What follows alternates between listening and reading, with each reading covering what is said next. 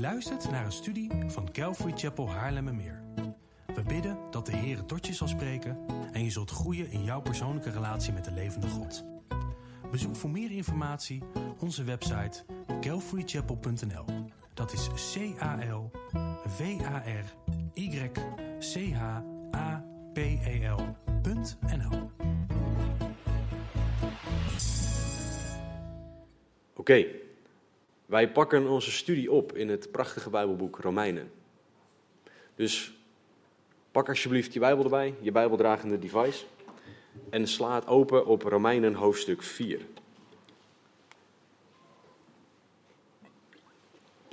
Dat is namelijk waar wij gebleven zijn. We hebben de afgelopen twee weken Route 66 uh, gehad. Erg goed om die boeken in, in hoog overzicht te horen. Um, maar vandaag gaan we de, de details van Romeinen 4 in. Vandaag gaan we verder waar we drie weken geleden gebleven zijn. Vorige keer hebben we gezien dat Abraham opgeroepen werd, of dat wij opgeroepen werden, sorry, om in Abrahams voetsporen van geloof te wandelen. Abraham had daden van geloof waar wij veel van kunnen leren. We hebben gezien dat het geloof dat wij hebben of zeggen te hebben tot daden hoort te leiden. En bij Abraham was het zo dat dat hem uiteindelijk rechtvaardiging opleverde. Want hij had geloof en dat geloof uitte zich in daden. En God erkende dat. En vandaag gaan we zien wat de reden is dat Abraham dit deed. Dat Abraham, wat de reden was dat Abraham wandelde in geloof. En die reden is dat Abraham overtuigd was door God. Hij was overtuigd door God van wie God was. Van wat God zei, van wat God deed. Hij was overtuigd door God. En dat was het fundament voor Abraham om uiteindelijk te wandelen in Gods voetsporen. Maar vandaag gaan wij dus kijken naar het thema overtuigd door God in de versen van Romeinen 4. En we gaan vandaag Romeinen 4 afmaken. Dus we gaan vers 17 tot en met 25 met z'n allen behandelen. Dus laten we dat samen lezen en daarna zal ik bidden. Ik wil, zal beginnen in vers 16, sorry Jonas. Die heb ik er niet, uh, had ik niet meegegeven. Maar dat is even omdat vers 17 midden in een zin begint. Laten we beginnen met lezen Romeinen 4, beginnend in vers 16. Daarom is het uit het geloof, opdat het zou zijn naar genade. Met als doel dat de belofte zeker zou zijn voor het hele nageslacht. Niet voor dat wat uit de wet alleen is, maar ook voor dat wat uit het geloof van Abraham is, die een vader is van ons allen. Zoals geschreven staat: Ik heb u tot een vader van vele volken gemaakt. Dit was hij tegenover hem in wie hij geloofd heeft. Dat is een prachtige zin van Paulus. Namelijk God die de doden levend maakt en de dingen die niet zijn roept alsof zij zijn. En hij, Abraham, heeft tegen alles ingehoopt en geloofd dat hij een vader van vele volken zou worden, overeenkomstig wat gezegd was, zo zal uw nageslacht zijn. En niet verzwakt in het geloof heeft hij er niet op gelet dat zijn eigen lichaam reeds verstorven was. Hij was ongeveer 100 jaar oud. En dat ook de moederschoot van Sarah verstorven was. En hij, Abraham, heeft aan de belofte van God niet getwijfeld door ongeloof, maar werd gesterkt in het geloof terwijl hij God de eer gaf. Hij was er ten volle van overtuigd dat God ook machtig was te doen wat hij beloofd was. Daarom is het hem ook tot gerechtigheid gerekend. Nu is het niet alleen ter wille van hem geschreven dat het hem toegerekend is, maar ook ter wille van ons. Aan wie het zou worden toegerekend, aan ons namelijk die geloven in hem die Jezus, onze Heer, uit de doden opgewekt heeft. Die om onze overtredingen is overgeleverd en opgewekt om onze rechtvaardiging. Laten we bidden. Vader Heer, dank u wel voor uw woord. Dank u wel dat uw woord krachtig is scherper dan enig tweesnijdend zwaard. En Heer, het is ons gebed dat u vandaag alle harten die dit woord horen zal raken. Dat u alle harten zal bewerken met uw tweesnijdend zwaard. Laat uw woord niet ledig terugkeren, laat er niks van mij bij zitten. Heer, laat alleen uw woorden gesproken worden vandaag, want dat zijn woorden van eeuwig leven.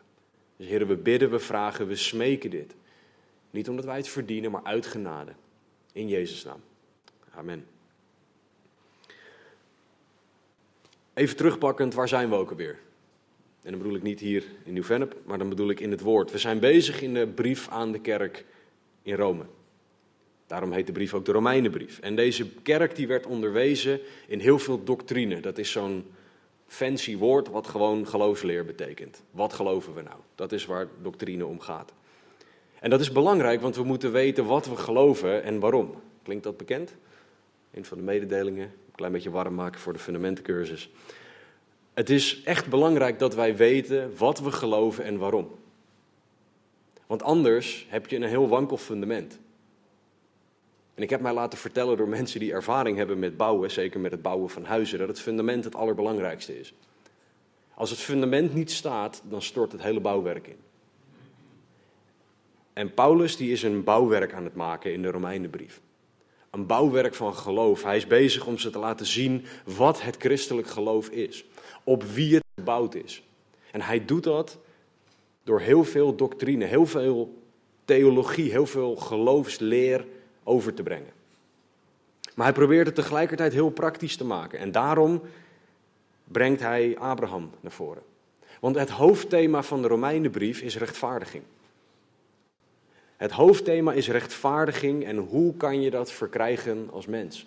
En Abraham is, is een geweldig voorbeeld van dat redding alleen door geloof kan zijn. Rechtvaardiging alleen door geloof. Want over Abraham werd gezegd, Abraham geloofde en het werd hem tot rechtvaardiging gerekend. Er staat nergens Abraham werkte en het werd hem tot rechtvaardiging gerekend. Het was altijd alleen door geloof. En dit was een schok, misschien wel voor sommige Joodse christenen van Joodse afkomst. Dat Abraham niet gered was door werken, want dat was wat hen onderwezen was. Paulus wilde dat elke christen doorhad, redding is alleen door geloof. Dat is Gods weg vanaf het begin af aan. En Abraham geloofde. En hij geloofde God ook wanneer God een belofte deed. Hij beloofde dat God, hij geloofde dat God hem beloofd had dat hij een groot volk zou zijn. Een vader van een groot volk. Want vers 17 zegt, zoals geschreven staat, en dat verwijst dan naar Genesis 17. Maar vers 17 zegt, ik heb u tot een vader van vele volken gemaakt. Dat is een heel bijzonder statement, want op dit moment, wanneer God dit aan Abraham belooft, wanneer God zegt, ik heb u al tot een vader van vele volken gemaakt, was Isaac nog niet geboren. Isaac was een, was een hoop, hij was een verlangen van Abraham en, Isaac, uh, van Abraham en Sarah, maar hij was er nog niet. Er zat 25 jaar tussen de belofte van God je zal een zoon krijgen, je zal een, een, een, een vader van vele volken zijn. En 25 jaar later werd hun zoon Isaac pas geboren, de vervulling van die belofte. 25 jaar wachten. In Genesis 12 werd al beloofd dat Abraham een groot volk zou voortbrengen. En in Genesis 21 werd Isaac pas geboren. En het is dan heel bizar om te bedenken dat 25 jaar wachten Gods perfecte timing is. Zeker in onze magnetronmaatschappij, waarbij een video van drie minuten te lang is. Dat, vinden, dat willen we niet meer kijken. Is 25 jaar is een hele bizarre periode om ergens op te wachten. Want wij willen, als wij iets willen, dan willen we het nu. We hadden het laatst over de nieuwe website en toen hadden we het over de laadtijd van een website. Daar heb je van die technische termen voor, dat maakt verder niet uit. Maar die laadtijd mag niet te lang zijn. Want als de site langer dan twee seconden duurt om te laden, en dat vinden we al aan de lange kant, dan haken mensen af. Nou, waarom haal ik dat aan? Omdat wij God soms op dezelfde manier benaderen. Heer, ik heb toch gebeden, waarom heb ik het dan nog niet? Heer, ik heb het toch al twee keer nu aan uw voeten neergelegd. Heer, ik wacht nu al een dag, een week. Ik wacht nu al een maand, heren. Heren, hoort u me wel? Abraham en Sarah moesten 25 jaar wachten. En toen kregen ze één zoon. Dat is nog niet echt een volk. 25 jaar wachten op God die zegt: Ik heb u tot een vader van vele volken gemaakt. En dan 25 jaar lang volhouden. Wat kunnen wij daar veel van leren in deze tijd? Wat kunnen wij veel leren van het geloof dat Abraham en Sarah hadden? Ondanks dat zij ook af en toe dipjes hadden in hun geloof. Daar hebben we drie weken geleden ook naar gekeken. Maar God werkt op dezelfde manier toen als nu. En ik zeg hiermee niet dat we perfect 25 jaar tot op de dag moeten wachten op elk gebedsverzoek. Ik zeg dat God altijd perfecte timing heeft. En dat wij moeten leren wachten op Gods timing, in de plaats van dat wij God willen proberen om te vormen naar onze timing. Heer, ik heb een plan, zegen mijn plan. Nee, Heer, wat is het plan? En hoe mag ik daar een onderdeel van zijn? God beloofde al aan Abraham en Sarah: Ik heb u tot een vader van vele volken gemaakt. En aan het einde van het vers in vers 17 staat er hoe dit werkt. Dit was hij tegenover, dit was Abraham tegenover God in wie Abraham geloofd heeft. Soms helpt het om in vers 17 even de namen in te vullen waar de hij staat. Namelijk God die de, die de doden levend, levend maakt. Nou, dat is al een bizar wonder. Maar het einde van het vers is echt prachtig. En de dingen die niet zijn, roept alsof zij zijn. Dat is wat God deed toen hij tegen Abraham zei: Ik heb je al tot een vader van vele volken gemaakt. God riep daar iets. Ik weet niet of God echt riep, want dan had Abraham denk ik geen, uh, geen, uh, geen uh, oren meer over. Maar dat God die zei tegen Abraham: Dit is zo, dit is een feit, dit is een belofte en die gaat gebeuren. Alleen Abraham hoefde alleen nog even te wachten op God die hem zou vervullen. God staat buiten de tijd en dat is echt heel erg fijn.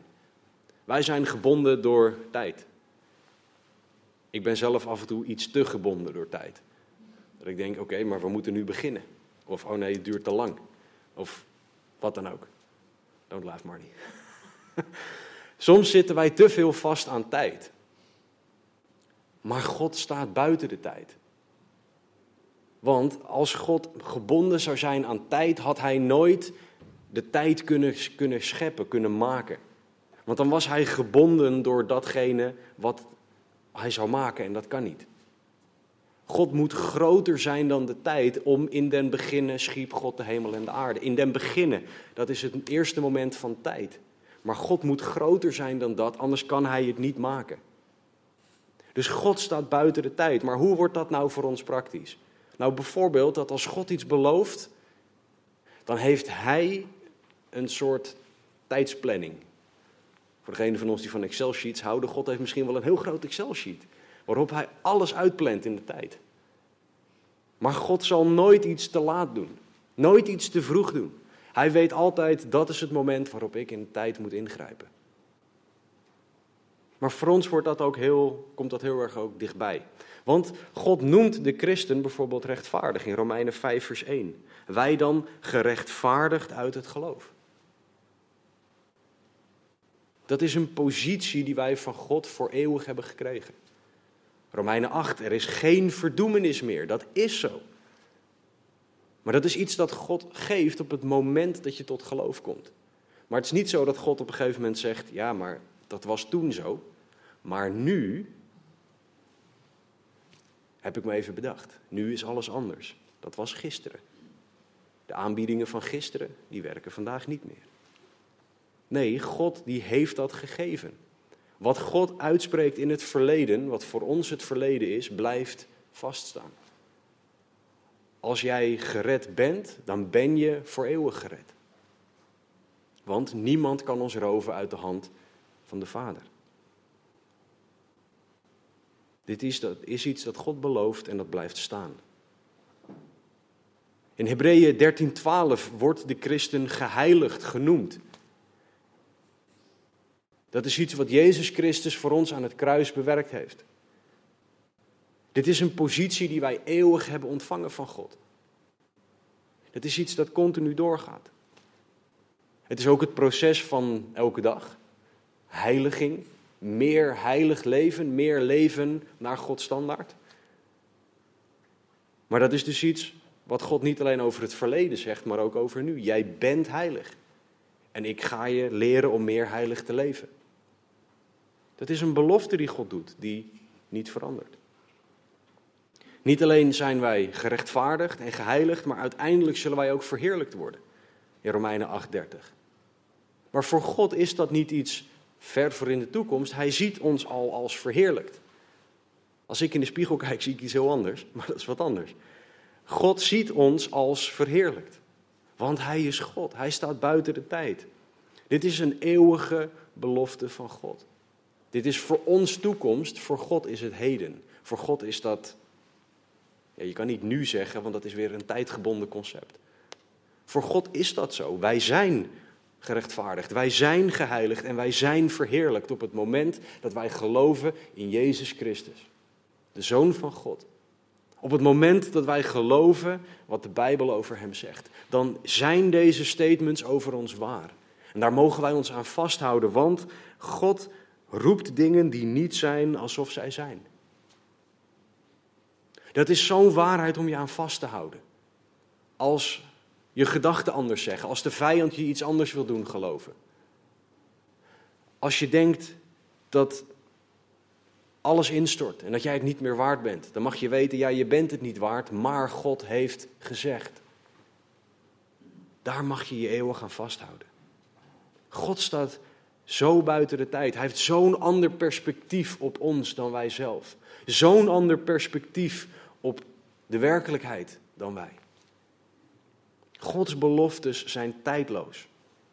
Gods beloftes blijven altijd staan. En daarom kon God 25 jaar voordat één zoon geboren zou worden, Isaac, honderden jaren voordat Israël echt een volk was en de vele volken daaruit voort zouden komen, kon God al tegen Abraham zeggen dat hij vader van vele volken was. Dat is omdat God zoveel groter is dan wij kunnen beseffen. God zag deze belofte al als vervuld, ondanks dat op het moment dat God het zei, de eerste zoon 25 jaar later pas kwam. Hoe bizar groot is God dan wel niet? Hoe bizar veel groter dan elke situatie is God dan wel niet? De wereld staat op zijn kop, COVID-19. Elke overheid maakt andere keuzes. Elk bedrijf, elke situatie, alles ligt op zijn gat.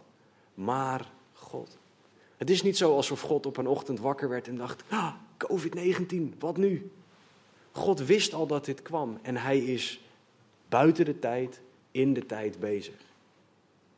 Van buiten de tijd grijpt God elke keer in en doet hij wonderen. En dat blijft hij doen. Zijn belofte blijft staan. Want hij is de God die de doden levend maakt. Nou, als je dat kan, kan je alles. Dit is de God die alles weet en alles ziet. Dit is de God die niet liegen kan. Dit is de God die altijd van je houdt en zo ontzettend veel beloftes aan je doet. Dat is echt iets om een keer op te zoeken. Gewoon te gaan studeren in het woord, zoeken naar beloftes van God. Abraham geloofde God 25 jaar lang, omdat hij overtuigd was door God. Hij kon 25 jaar vasthouden aan een belofte die nog moest komen, omdat hij overtuigd was door God. Maar de vraag is of jij en ik overtuigd zijn door God. Of dat wij overtuigd zijn van iets of iemand anders. En jouw daden laten zien of jij overtuigd bent door God of overtuigd bent door iets of iemand anders. Door wie ben jij overtuigd?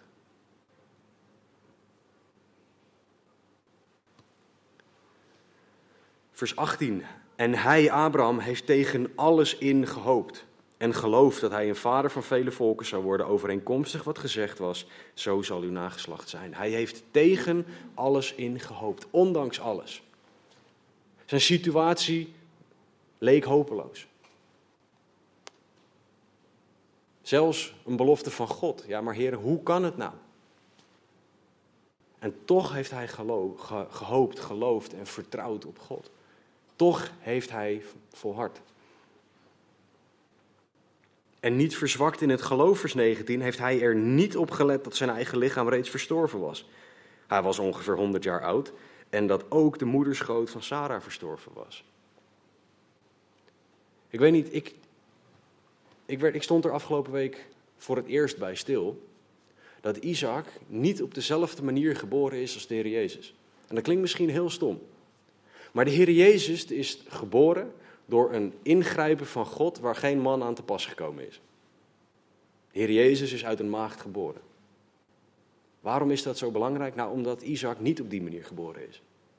Dat betekent dat er fysieke intimiteit, dat er seks nodig was tussen Abraham en Sarah om uiteindelijk Isaac tevoorschijn te laten komen.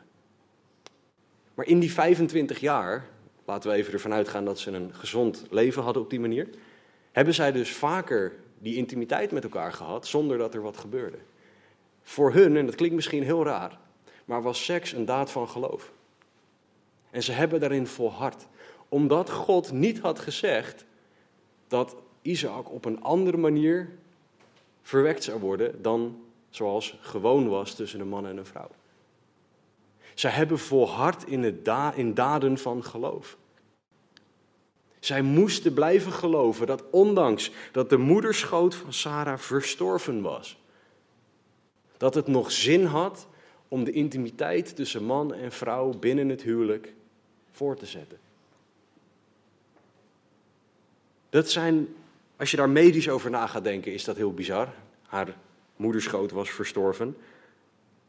Abrahams eigen lichaam was verstorven. Ik weet niet zo goed hoe ik dat moet invullen, hoe dat, ik wil niet zeggen eruit ziet, maar hoe dat, ja, hoe dat, hoe dat dan was.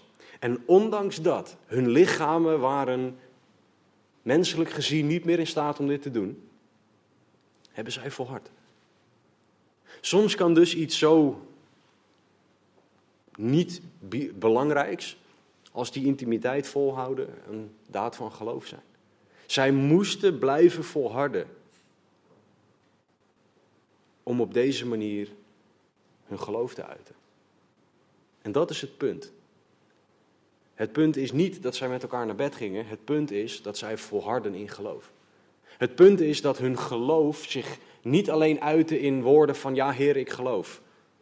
Maar hun geloof uitte zich in daden. Bijbelcommentator Charles Haddon Spurgeon heeft het volgende gezegd. Alle echte gelovigen gehoorzamen, net als Abraham. Gehoorzaamheid is geloof in actie. Je moet in de voetsporen van het geloof van Abraham, van vader Abraham treden. Zijn geloof zat niet stil, het ondernam stappen. En jij moet deze stappen van geloof ook nemen door God te gehoorzamen, want je gelooft in Hem.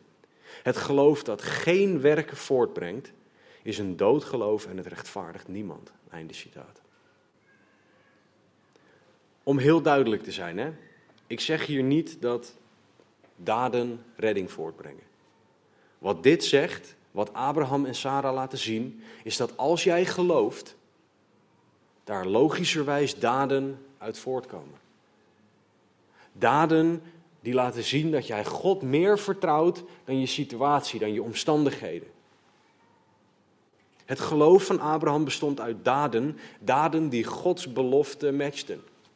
Die overeenkwamen met Gods belofte. En zij bleven vertrouwen en uiteindelijk kregen zij hun zoon. Abraham en Sarah hielden zich vast. Abraham, lezen we hierover, hield zich vast aan Gods woorden. Hij vertrouwde God omdat hij overtuigd was door God. Hij had ook overtuigd kunnen zijn door zijn eigen lichaam, die zei: Ja, leuk vriend, maar nee.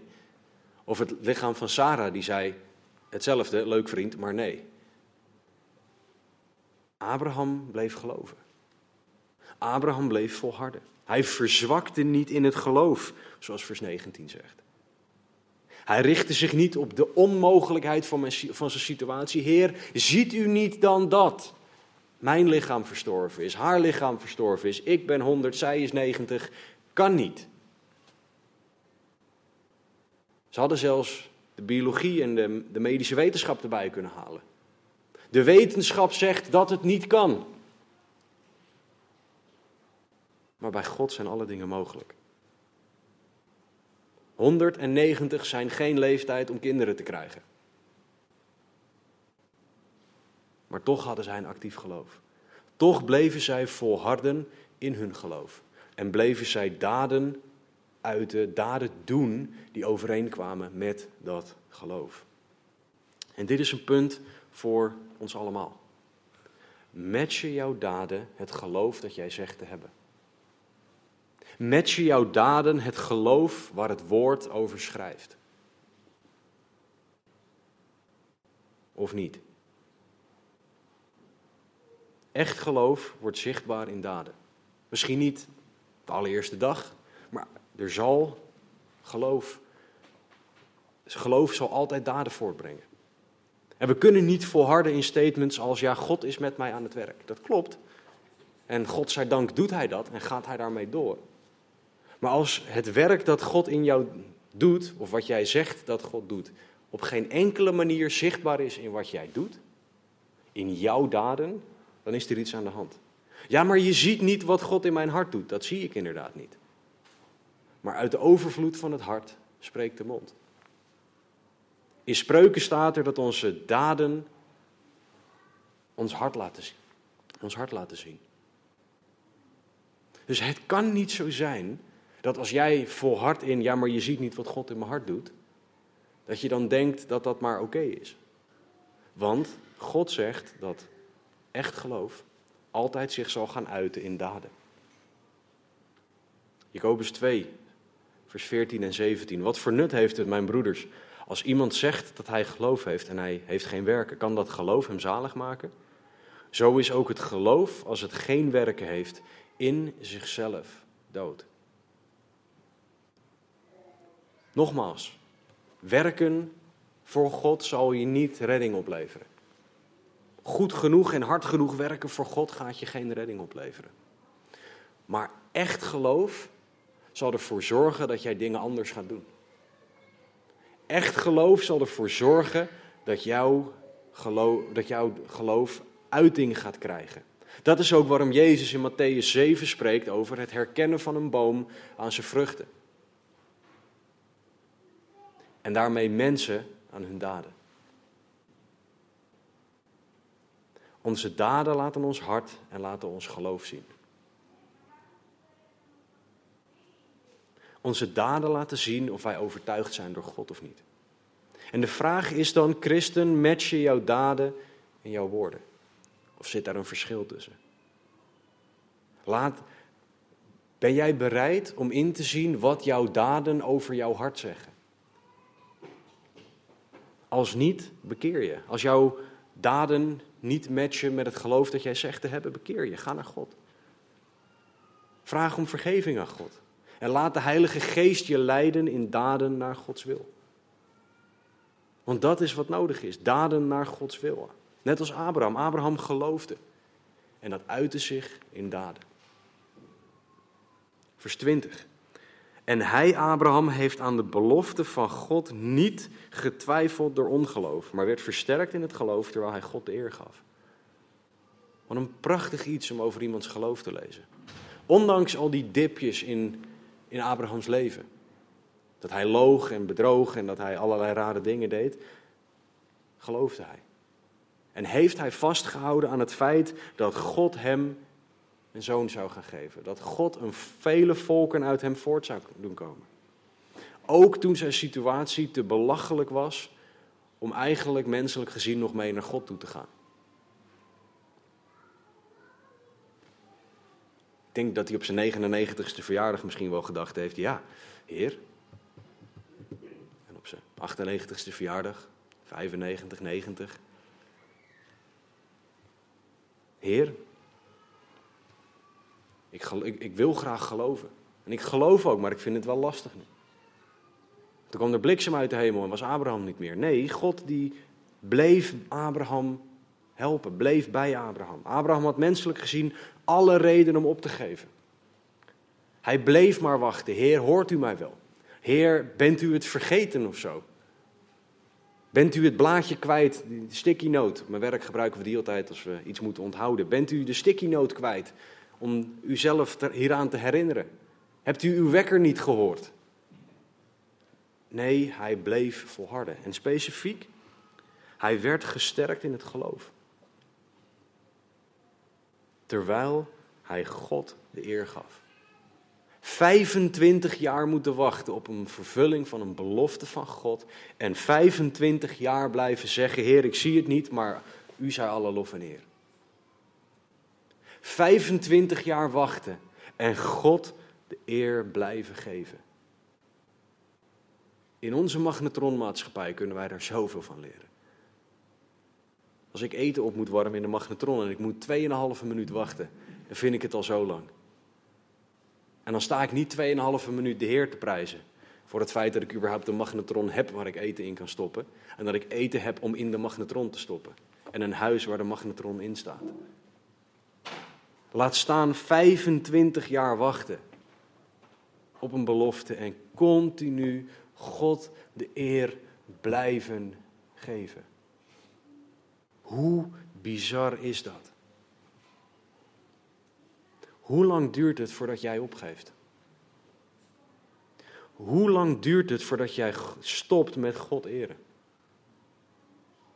Wanneer geef jij jezelf versterken in het geloof op omdat het te lang duurt?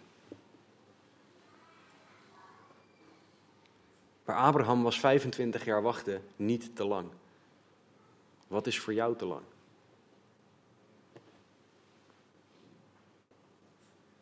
Maar hoe werkt dat dan? Hoe versterk je jezelf in je geloof? Nou, gelukkig, dat is een klein zijsprongetje, hebben we daar een voorbeeld van. In 1 Samuel 30, vers 6 staat dat David zich sterkte in de Heere zijn God. David zat in een onmogelijke situatie. David was alles kwijt. Zijn vrienden wilden hem vermoorden. Die dachten na over moord, omdat David keuzes had gemaakt die hun alles hadden gekost. En in de plaats van dat David hele slimme plannen ging maken, in de plaats van dat David allerlei dingen ging doen, doet David dit. David sterkte zich in de Here. Bijbelcommentator David Guzik heeft hier het volgende over gezegd. David kon zich Gods liefde herinneren. David kon zich Gods belofte en roeping herinneren. David kon zich bevrijding door God uit het verleden herinneren. En David haalde zijn bemoediging bij God vandaan. Dus wat deed David door zich te versterken in de Heer, om zich te versterken in de Heer? Hij herinnerde zichzelf aan Gods liefde. Hij herinnerde zichzelf aan God. Aan Gods beloftes, Gods roeping, wat God eerder gedaan had. En hij zocht zijn bemoediging in niks en niemand anders dan God.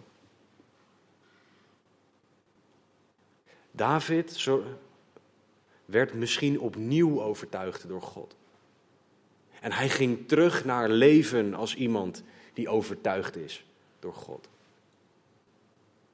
In crisissituaties komt naar voren door wie wij echt overtuigd zijn. Is dat door je eigen slimmigheid? Ga je plannen zitten maken en alles zitten uitwerken en niks tegen plannen voor de duidelijkheid, hè? God kan plannen ook heel erg goed gebruiken. Alleen als die plannen gaan voordat jij naar de Here toe gaat, dan is het een probleem. Jezelf versterken in de Here is teruggaan naar God. Abraham richtte zich op God. Hij vertrouwde God, hij eerde God, omdat hij overtuigd was door God. Heer, ik zie het niet, maar ik ben ervan overtuigd dat u dit gaat doen. En dat is makkelijk om te zeggen tien minuten nadat God een belofte gedaan heeft. Maar ook tien weken, tien maanden, tien jaar, twintig jaar, 25 jaar na een belofte van God. Zeg jij dan nog steeds, Heer, ik ben overtuigd door u, ook al zie ik het niet, u gaat u houden aan uw belofte? Of ben jij het dan kwijt? Ben je overtuigd door iets anders? Dan ben je misschien overtuigd door je situatie. Nee, het kan echt nu niet meer. Dit is te moeilijk, zelfs voor God. Even nadenken over wat je dan zegt of wat je, wat je dan denkt. Dat een almachtige God iets niet kan, dat is wat je dan zegt. Wij hebben dezelfde keuze. Wij krijgen allerlei beloftes van God. En wij mogen geloven dat God zich aan zijn woord houdt. En de belangrijkste reden dat je daarin kan geloven, dat je daaraan vast kan houden, is als je overtuigd bent door God. Abraham was overtuigd door God, omdat hij God had leren kennen. In Jozua staat er dat toen God Abraham riep, hij een afgodendienaar was in Ur van de Galdeeën. Wat betekent dat? Nou, dat Abraham in een stad woonde waar allerlei goden waren. Afgoderij was overal in al die steden. En Abraham werd geroepen door God. En hij was overtuigd door God toen God hem riep. En doordat hij overtuigd was door God, was hij bereid om alles op te geven voor God. En te gaan reizen voor God, zoals God van hem vroeg. Abraham was ten volle ervan overtuigd, vers 21, dat God machtig was te doen wat beloofd was. Dat spreekt van een kennen van God, van een overtuigd zijn door God. Abraham geloofde God omdat hij wist wie de belofte had gegeven. Abraham had geen idee hoe God die belofte tot uiting zou laten komen. Maar hij wist wel wie die belofte had gegeven. En die persoon vertrouwde hij volledig. Jeremia 9, vers 24 zegt het volgende. Laat wie zich beroemt, zich beroemen dat hij begrijpt en mij kent, dat ik de Heere ben. Die goedertierenheid bewijs, recht en gerechtigheid op de aarde doe, want in die dingen vind ik vreugde, spreekt de Heere. Nogmaals, laat wie zich beroemt zich daarop beroemen dat hij begrijpt en mij kent dat ik de Heer ben die goedertierenheid bewijs, recht en gerechtigheid op de aarde doe, want in die dingen vind ik vreugde, spreekt de Heer. God wordt blij van goede dingen doen. God wordt blij van recht en gerechtigheid op de aarde doen. Hoe geweldig is dat? En dat is de God die Abraham geloofde, de God op wie Abraham vertrouwde. Dat is de God door wie Abraham overtuigd was. En dat was een keuze. Want logischerwijs had Abraham geen reden om op God te vertrouwen. Menselijke logica bedoel ik. 75 was de leeftijd waarop hij deze belofte kreeg. Dat is een beetje eh, niet helemaal goed. Want de meeste 75-jarigen denken niet meer na over kinderen krijgen. Gok ik. Deze 75-jarige mocht nog even 25 jaar wachten op het krijgen van een kind. Ik, denk, ik weet niet hoe het moet zijn om als 100-jarige nog, ik weet wat, drie, vier voedingen per nacht te moeten hebben. Wat een, hoe bizar is het dat God dit gedaan heeft. En Abraham kende God, vertrouwde God, boven elk gevoel, boven wat zijn hart zei. Dus niet luister naar je hart, Nee, luister naar God. Want die twee dingen matchen heel vaak niet. En ook wij mogen roemen, wij christenen anno 2020, roemen in God kennen en God begrijpen. Wij mogen God leren kennen, wij mogen God leren vertrouwen. Maar dat is wel een, een keuze en de vraag is, wil jij? Wil jij tijd en energie stoppen in God kennen en leren kennen?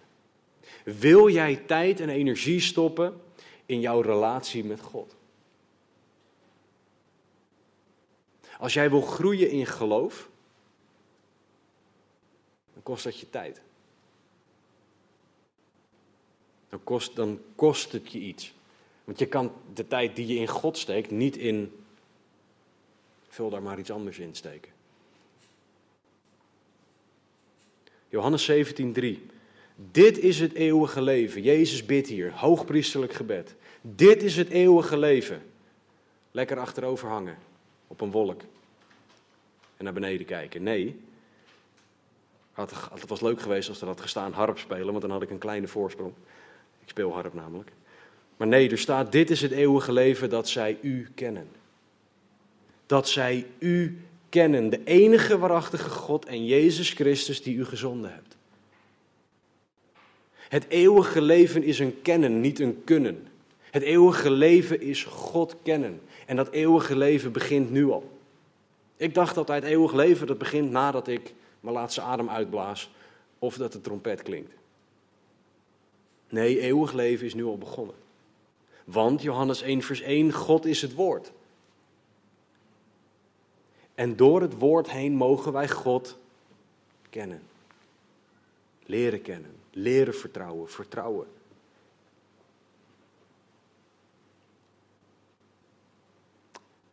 Door het woord heen mogen we de hoofdpersoon van de Bijbel leren kennen. De hoofdpersoon van de Bijbel is Jezus. Is God die zegt: Kijk, dat is mijn zoon. Dat is wie jij nodig hebt. En de Heilige Geest heeft het op laten schrijven en hij zegt: Kijk, dat is Jezus, die heb jij nodig. En Jezus zegt: Kijk, dit is de weg naar God de Vader. En de Heilige Geest is degene die je laat zien wie ik ben. En samen zeggen ze: Kom bij mij. Je mag mij kennen, je mag eeuwig leven hebben. Maar eeuwig leven is dus een kennen, niet eeuwig op een wolk hangen. Dit is waarom dat eeuwige leven, God kennen, waarom het onder andere zo belangrijk is, en ik val in herhaling, om je Bijbel te lezen, om je Bijbel te bestuderen. Bijbel lezen is namelijk God leren kennen. Die twee dingen zijn gelijk voor degene die dat biddend doen. En God leren kennen is meer overtuigd worden van God en daardoor meer gaan leven naar zijn wil. Als God niet over, Abraham niet overtuigd had, had Abraham nooit van zijn lang zijn leven 25 jaar gewacht op één zoon om dan vader van vele volken te zijn. We moeten ook niet denken dat als God ons een belofte geeft, dat wij doorhebben hoe God die belofte tot uiting gaat laten komen. Dat is allemaal aan God. Maar wij mogen vertrouwen op God, omdat we Hem kennen, omdat we Hem kunnen kennen.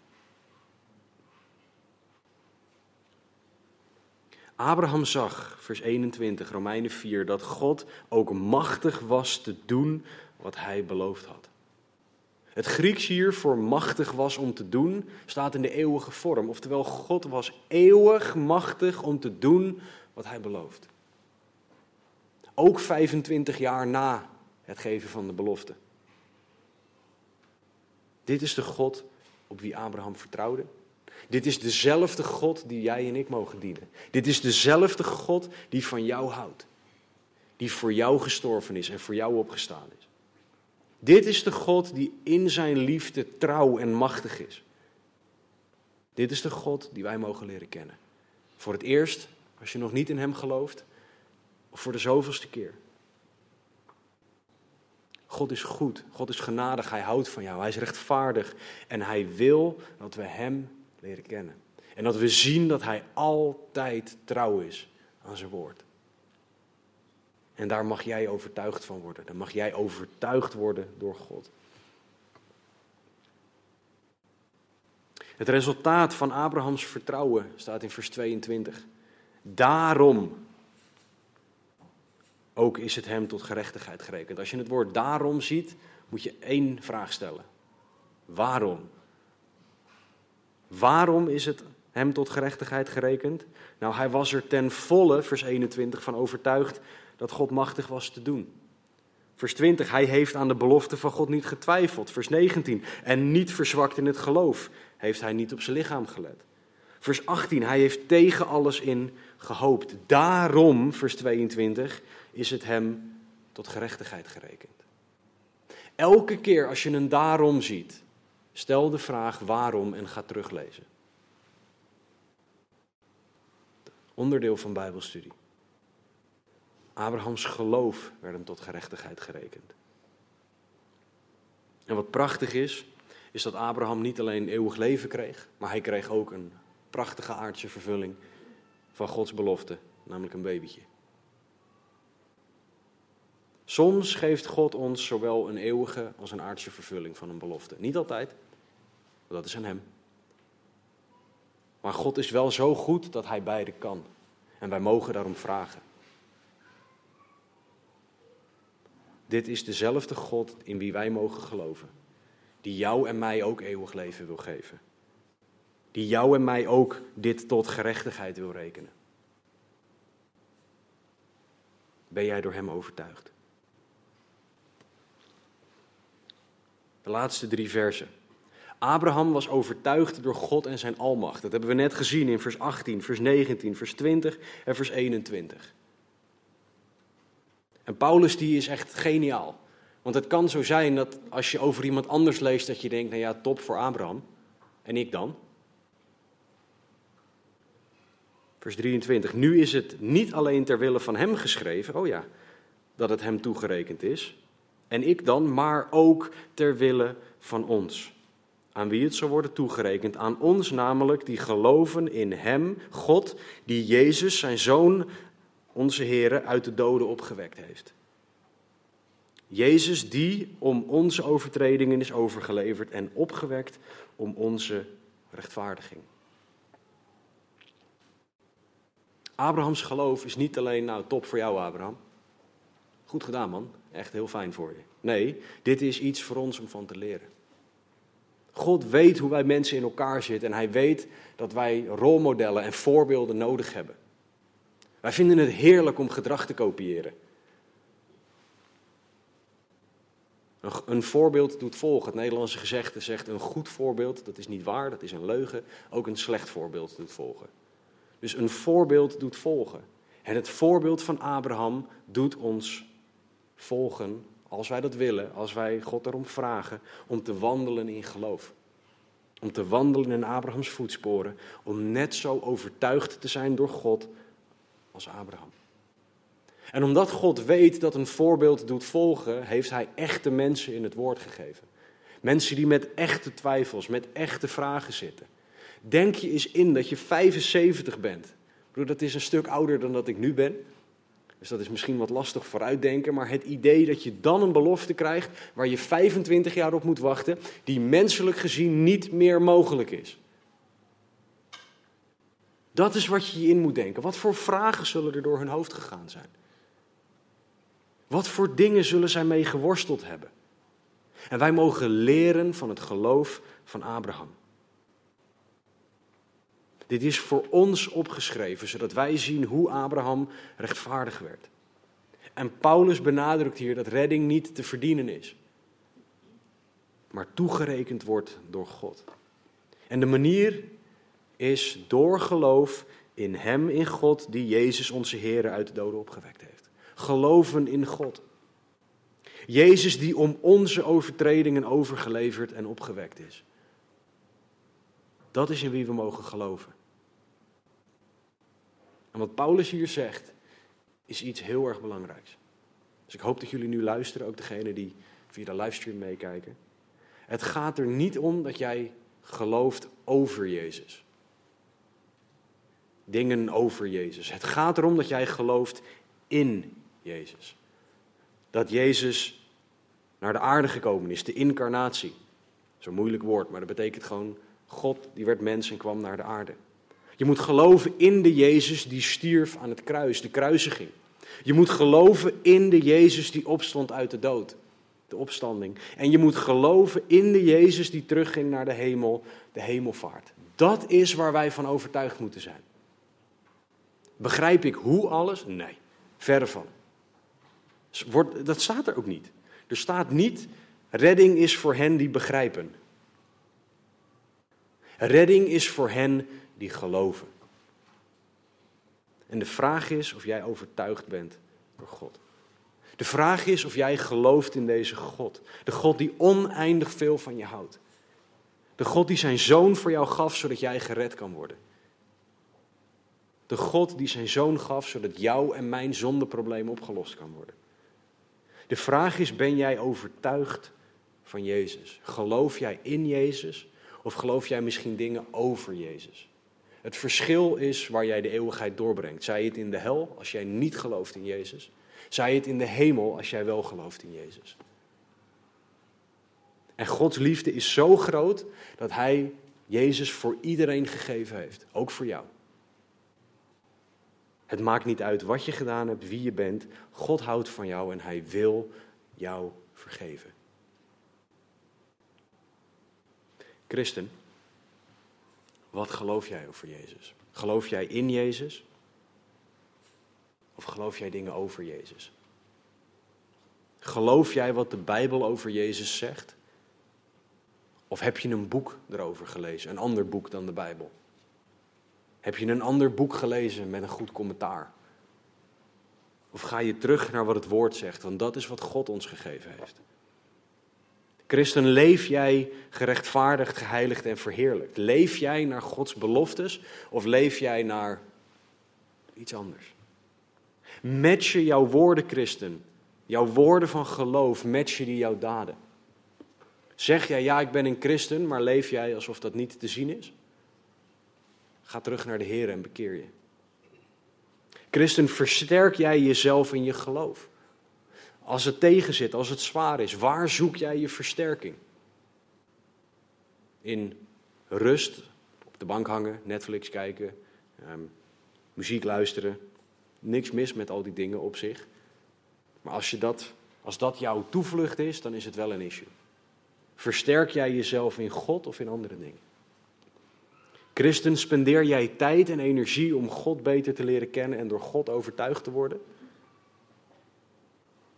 Of spendeer jij je tijd en je energie aan iets of iemand anders? En christen, leef jij overtuigd door Jezus, door God? Of leef jij overtuigd door iets of iemand anders? Jouw daden laten het antwoord zien.